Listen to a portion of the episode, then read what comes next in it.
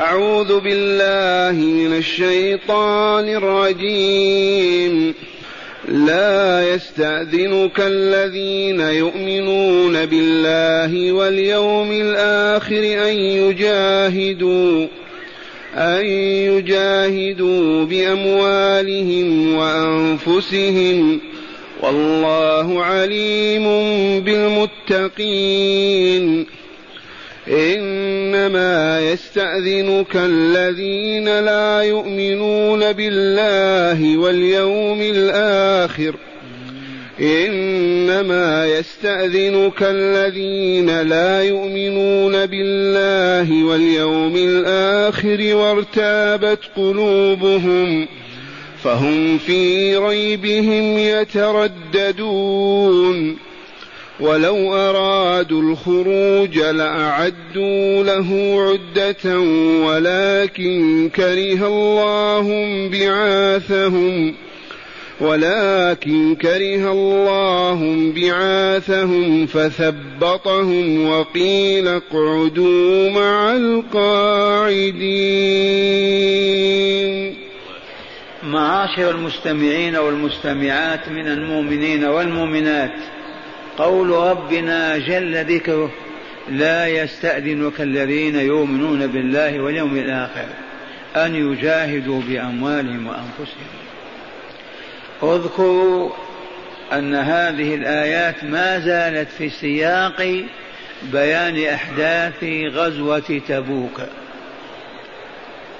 غزوة الرسول لبلاد الروم تلك الغزوة التي كانت في أصعب الأيام وأشدها في القيض والصيف والمجاعة والقحط والمواجهة لمن للروم بمئات الآلاف.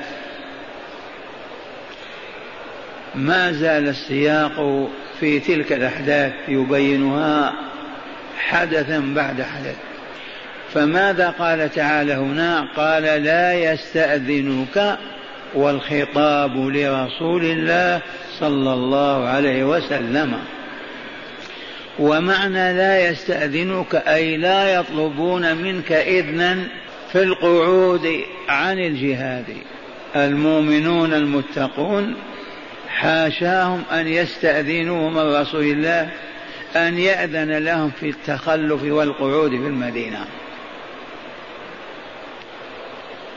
ثانيا لا يستأذنونك. نخرج يا رسول الله معك. هذا أيضا لا يقولونه. فالآية تشمل المعنيين والقرآن حمال الوجوه. لا يستأذنك الذين يؤمنون بالله واليوم الآخر فيما في أن يجاهدوا بأموالهم وأنفسهم.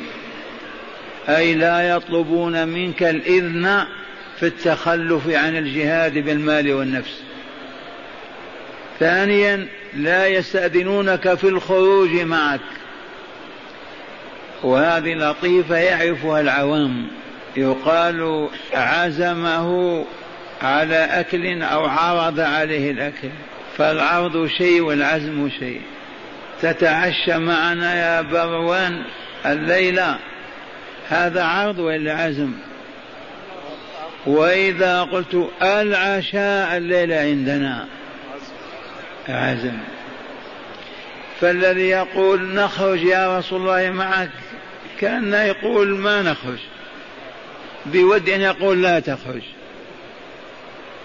فالآية محتملة للوجهين. الأول العام. لا يطلبون الإذن منك بالتخلف. والقعود في المدينة وراك حتى لا يجاهدوا بأموالهم وأنفسهم. الوجه الثاني ما عليتم حتى الاستئذان ما يقول نخرج معك يا رسول الله للجهاد؟ ما يقولون هذا الكلام. لأنهم عرفوا أن هذا الجهاد وجب أن النفير عام والتخلف حرام فكيف يستأذنون؟ وهنا اذكروا قوله تعالى يؤمنون بالله واليوم الآخر. الذي آمن بالله ربا لا رب غيره وإلها لا إله سواه وأنه يحيي ويميت ويعطي ويمنع وبيده كل شيء وإليه مصير كل شيء. من آمن بالله هذا الإيمان هيات هيات أن يتخلف عن الجهاد. والذي يؤمن بالآخرة وما فيها من النعيم المقيم أو العذاب الأليم ويعلم أنه سيجزى بكسبه ويحاسب على عمله. هيهات هيهات أن يقف هذا الموقف الشائن ويعتذر بعدم الخروج ويطلب الإذن في البقاء والتخلف. ولهذا كثيرا ما نقول أركان الإيمان ستة. أكثرها تأثيرا في السلوك ركنان الإيمان بالله وباليوم الآخر. الذي لا يؤمن بالله كيف يطيع الله؟ كيف يطيع رسوله؟ كيف يعمل بدينه وشرعه؟ اولا يجب أن يؤمن بالله. التصديق الجازم بأن الله موجود وهو العليم الحكيم وبيده كل شيء وإليه مصير كل شيء وهو الذي أنزل الكتب وهو الذي أرسل الرسل وهو الذي يحيي ويميت. هذا الإيمان ضروري للإنسان وإلا والله ما يستطيع أن يستقيم على منهج. وإن خوفته بالضرب والقتل إذا وجد الفرصة عصى وخرج عن طاعتك. ثانيا الإيمان هذا وحده لا يكفي. بل يؤمن بأنه سيحاسب من قبل الله على عمله. فمن هنا إذا اعتقد أنه يحاسب ويجزى يجاهد نفسه أن يعيش مئة سنة لا يخرج عن طاعة الله ورسوله.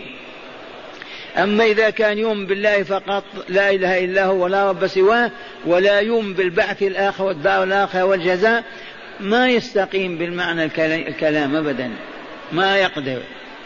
عوارض شهوات وأهواء شياطين يصرفونه.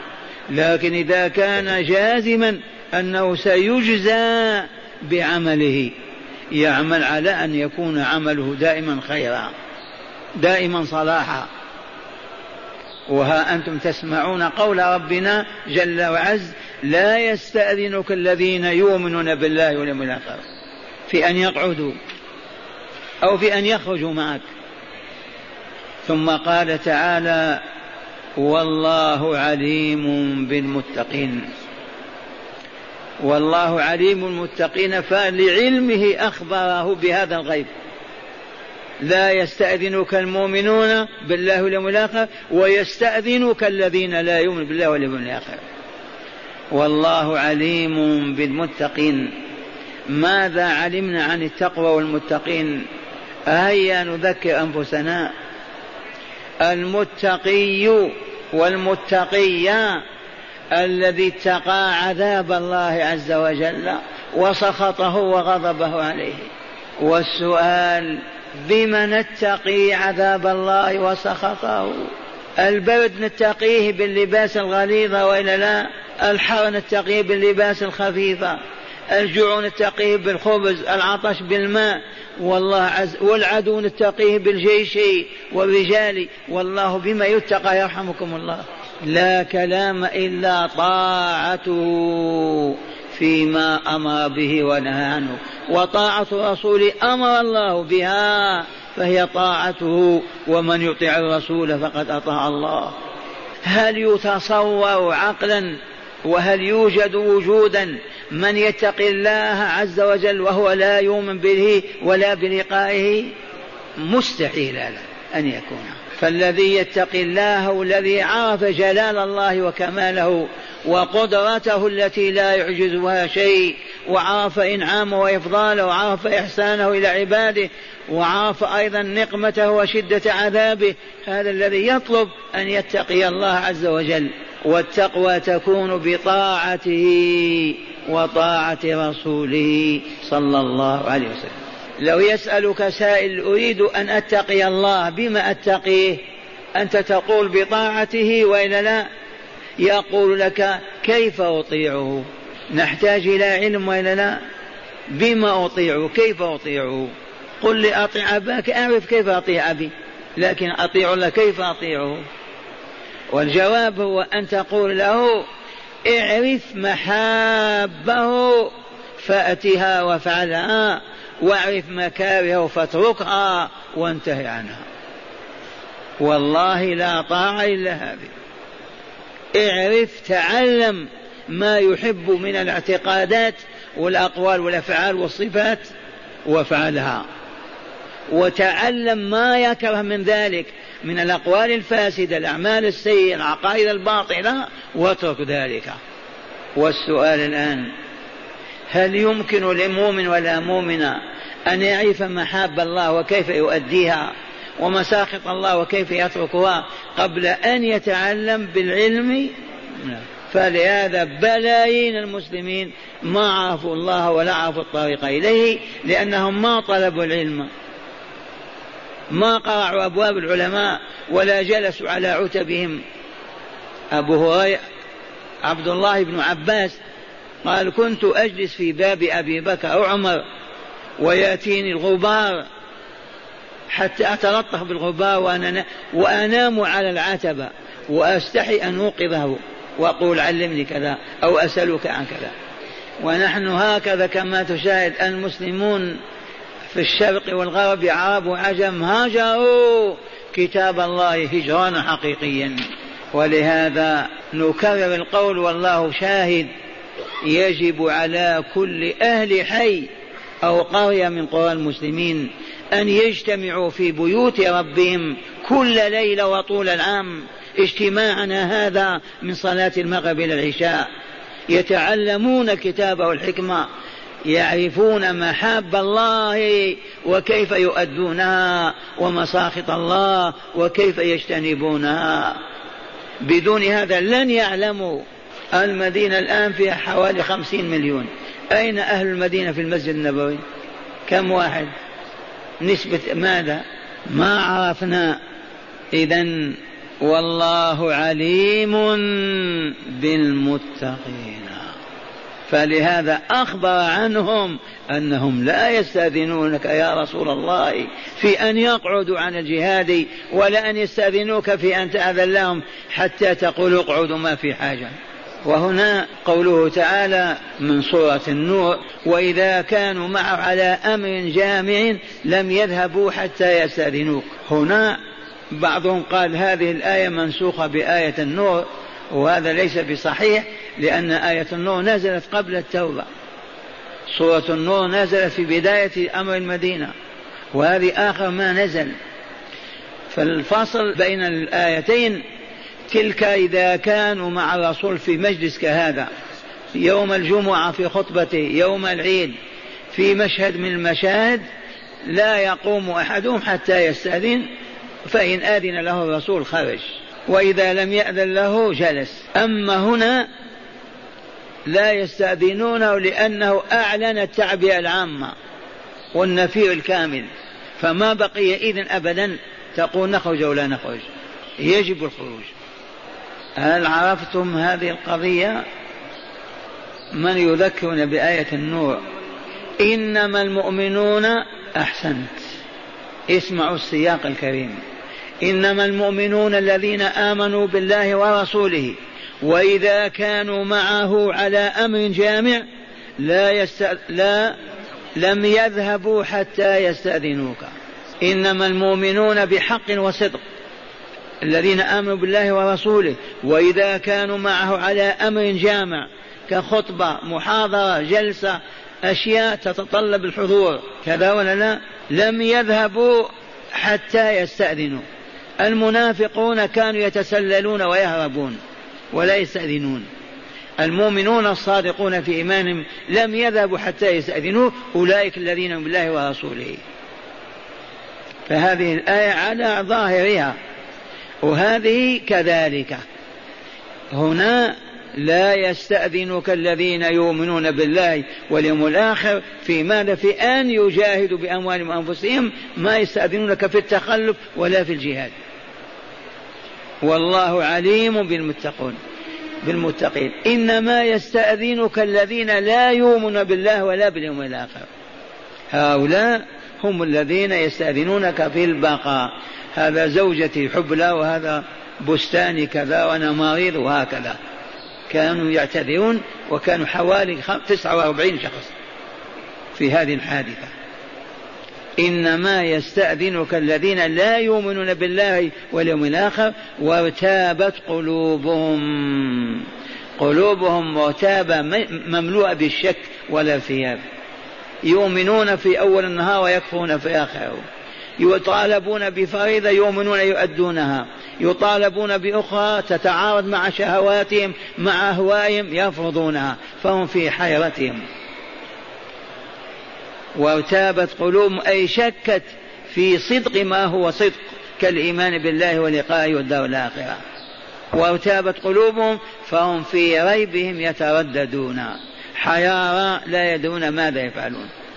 سبب ذلك هو كفرهم الباطن الذي أخفوا عن الرسول والمؤمنين خشية العقوبة أو ما ينزل بهم من البلاء.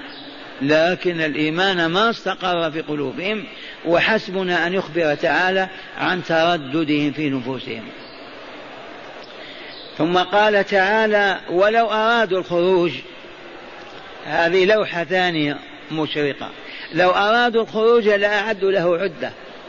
ما عدوا عدة لا فرس هيئوها ولا طعام ولا سلاح ولا كذا. ما يريدون الخروج أساسا. فلهذا لو قلت لهم لا تخرجوا ما يخرجون. لو قلت لهم اخرجوا يخرج لا يخرجون. لو أرادوا الخروج مع رسول الله وأصحابه لقتال الروم لأعدوا العدة اللازمة منها الطعام يأكلونه في ظرف شهر في سفرهم منها فرس أو بعير أو حمار يركبونه منها السلاح على أنواعه سيوف أو رماح أو ما إلى ذلك. ما عدوا أبدا لأنهم ما يريدون الخروج فلو قلت لهم لا تخرجوا ما هم خارجين ولو قلت اخرجوا والله ما هم بخارجين هم عازمون على أن لا يخرجوا لما يخرجون يموتون.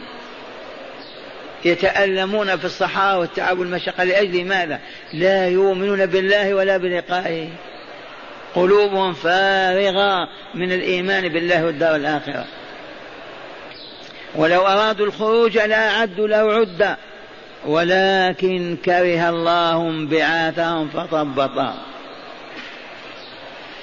أتدون لما كره الله بعاثهم؟ لأنهم قالوا لو خرجنا لأوحدنا لأوجدنا الفتن بين هؤلاء المقاتلين. فيما بينهم. لو خرجنا ما لا يعني لو ألزمنا محمد وخرجنا لأثرنا الفتن بين رجاله. فلذا علم الله هذا قبل أن يقولوه. فضبطهم. اقعدوا. ما هيأهم للخروج؟ لأن خروجهم كان فيه أذى وبلاء على الرسول والمؤمنين. فقعودهم أولى. ولو أراد ولو أرادوا الخروج لأعدوا له عدة ولكن كره الله انبعاثهم. الانبعاث معروف بعثه فانبعث يعني الخروج بالدافعة. الخروج الهائل ما يخرجونه. ولكن فثبطهم والتثبيط معروف. أن يجعل قلبه غير راضي ولا قابل للخروج. يوثر البقاء والقعود على الخروج. يزين له الشيطان أشياء تصيبه في هذا الخروج من التعب والمحنة فيقول لا بقاء أفضل من الخروج. وقوله تعالى وقيل اقعدوا مع القاعدين من القائل؟ جائز أن يكون الرسول قالوا اقعدوا مع القاعدين سألوه استأذنوه ولا لا؟ قالوا اقعدوا مع القاعدين. من هم القاعدون؟ النساء والأطفال والمرضى والذين لا قدرة لهم على القتال هم قاعدون جمع قاعد. اقعدوا مع القاعدين. هؤلاء أقوياء. عقولهم وافية أجسامهم قادرة على كذا لكن اقعدوا مع القاعدين.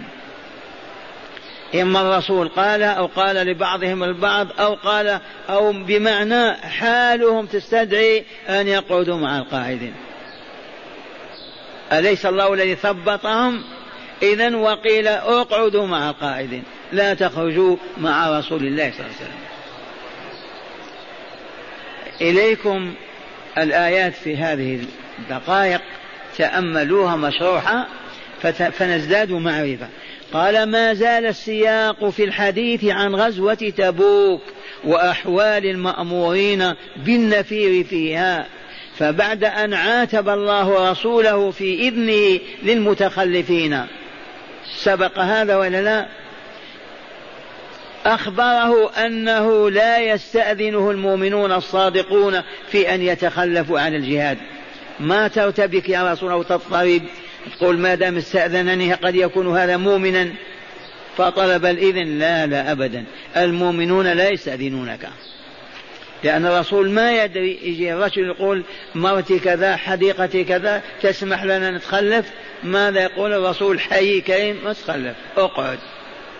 أيضا قد يكون هذا مؤمن صادق الإيمان. فتأملوا. ما زال السياق في الحديث عن غزوة تبوك وأحوال المأمورين بالنفي فيها فبعد أن عاتب الله تعالى رسوله في إذنه للمتخلفين. تقدم هذا ولا أخبره أنه لا يستأذنه المؤمنون الصادقون في أن يتخلفوا عن الجهاد بأموالهم وأنفسهم وإنما يستأذنه الذين لا يؤمنون بالله ولا باليوم الآخر وارتابت قلوبهم. ما هي ساكنة مطمئنة بالإيمان مضطربة وشاكة. وتابت قلوبهم في الإيمان بالله ورسوله ووعده ووعيده فهم حيارى مترددون لا يدرون أين يتجهون وهي حالة المزعزع العقيدة كسائر المنافقين. وأخبره تعالى أنهم كاذبون في اعتذاراتهم إذ لو أرادوا الخروج لأعدوا له عدته أي أحضروا له أهبة من سلاح وزاد وراحلة ولكنهم كانوا عازمين على عدم الخروج بحال من الأحوال. فلهذا ما عدوا العدة. ولو لم تأذن لهم بالتخلف لا تخلفوا. مخالفين قصدك متحدين أمرك. وهذا عائد إلى أن الله تعالى كره خروجهم لما فيه من الضرر والخطر. فثبطهم بما ألقى في قلوبهم من الفشل وفي أجسام من الكسل. كأنما قيل لهم اقعدوا مع القاعدين. هذا ما دلت عليه الآية ولو أرادوا الخروج لأعدوا له عدة ولكن كره الله بعاثهم فثبطهم وقيل قدوا مع القاعدين. وقوله تعالى في ختام الآية الأولى والله عليم بالمتقين فيه تقرير لعلمه تعالى بأحوال ونفوس عباده فما أخبر به هو الحق والواقع. فالمؤمنون الصادقون لا يطلبون التخلف عن الجهاد لإيمانهم وتقواهم والمنافقون هم الذين يطلبون التخلف لشكهم وفجورهم والله أعلم بهم ولا ينبئك مثل خبيره. لهذه الآية الآيات هدايات. قال من هداية الآيات أولا فضيلة الإيمان والتقوى. إذ صاحبه صاحبهما لا يمكن أن يتخلف عن الجهاد بالنفس والمال. الإيمان والتقوى. بما تتحقق ولاية الله للعبد بالإيمان والتقوى. من لم يؤمن ولو اتقى وإن كان يستحيل أن يتق بدون إيمان. ولو آمن ولم يتق ما ينفع إيمانه. ولكن حقا الذي آمن حقا سيتقي. ثانيا خطر الشك في العقيدة. وأنه سبب الحيرة والتردد. وصاحبه لا يقدر على أن يجاهد بمال ولا بنفس. خطر الشك. الشك خطره عظيم وإلا لا؟ أو تابت قلوبهم لو صدقت في إيمانهم ما ترددوا. خطأ الشك في العقيدة أي في الإيمان بالله واليوم الآخر. وأنه سبب الحيرة والتردد في نفوس هؤلاء المستأذنين. وصاحبه لا يقدر على أن يجاهد بمال ولا بنفس. ثالثا سوابق الشر تحول بين صاحبها وبين فعل الخير. سوابق الشر الشر الذي يسبق يجيء الوقت يحول بين العبد وبين فعل الخير لما تقدم من الشر والعياذ بالله.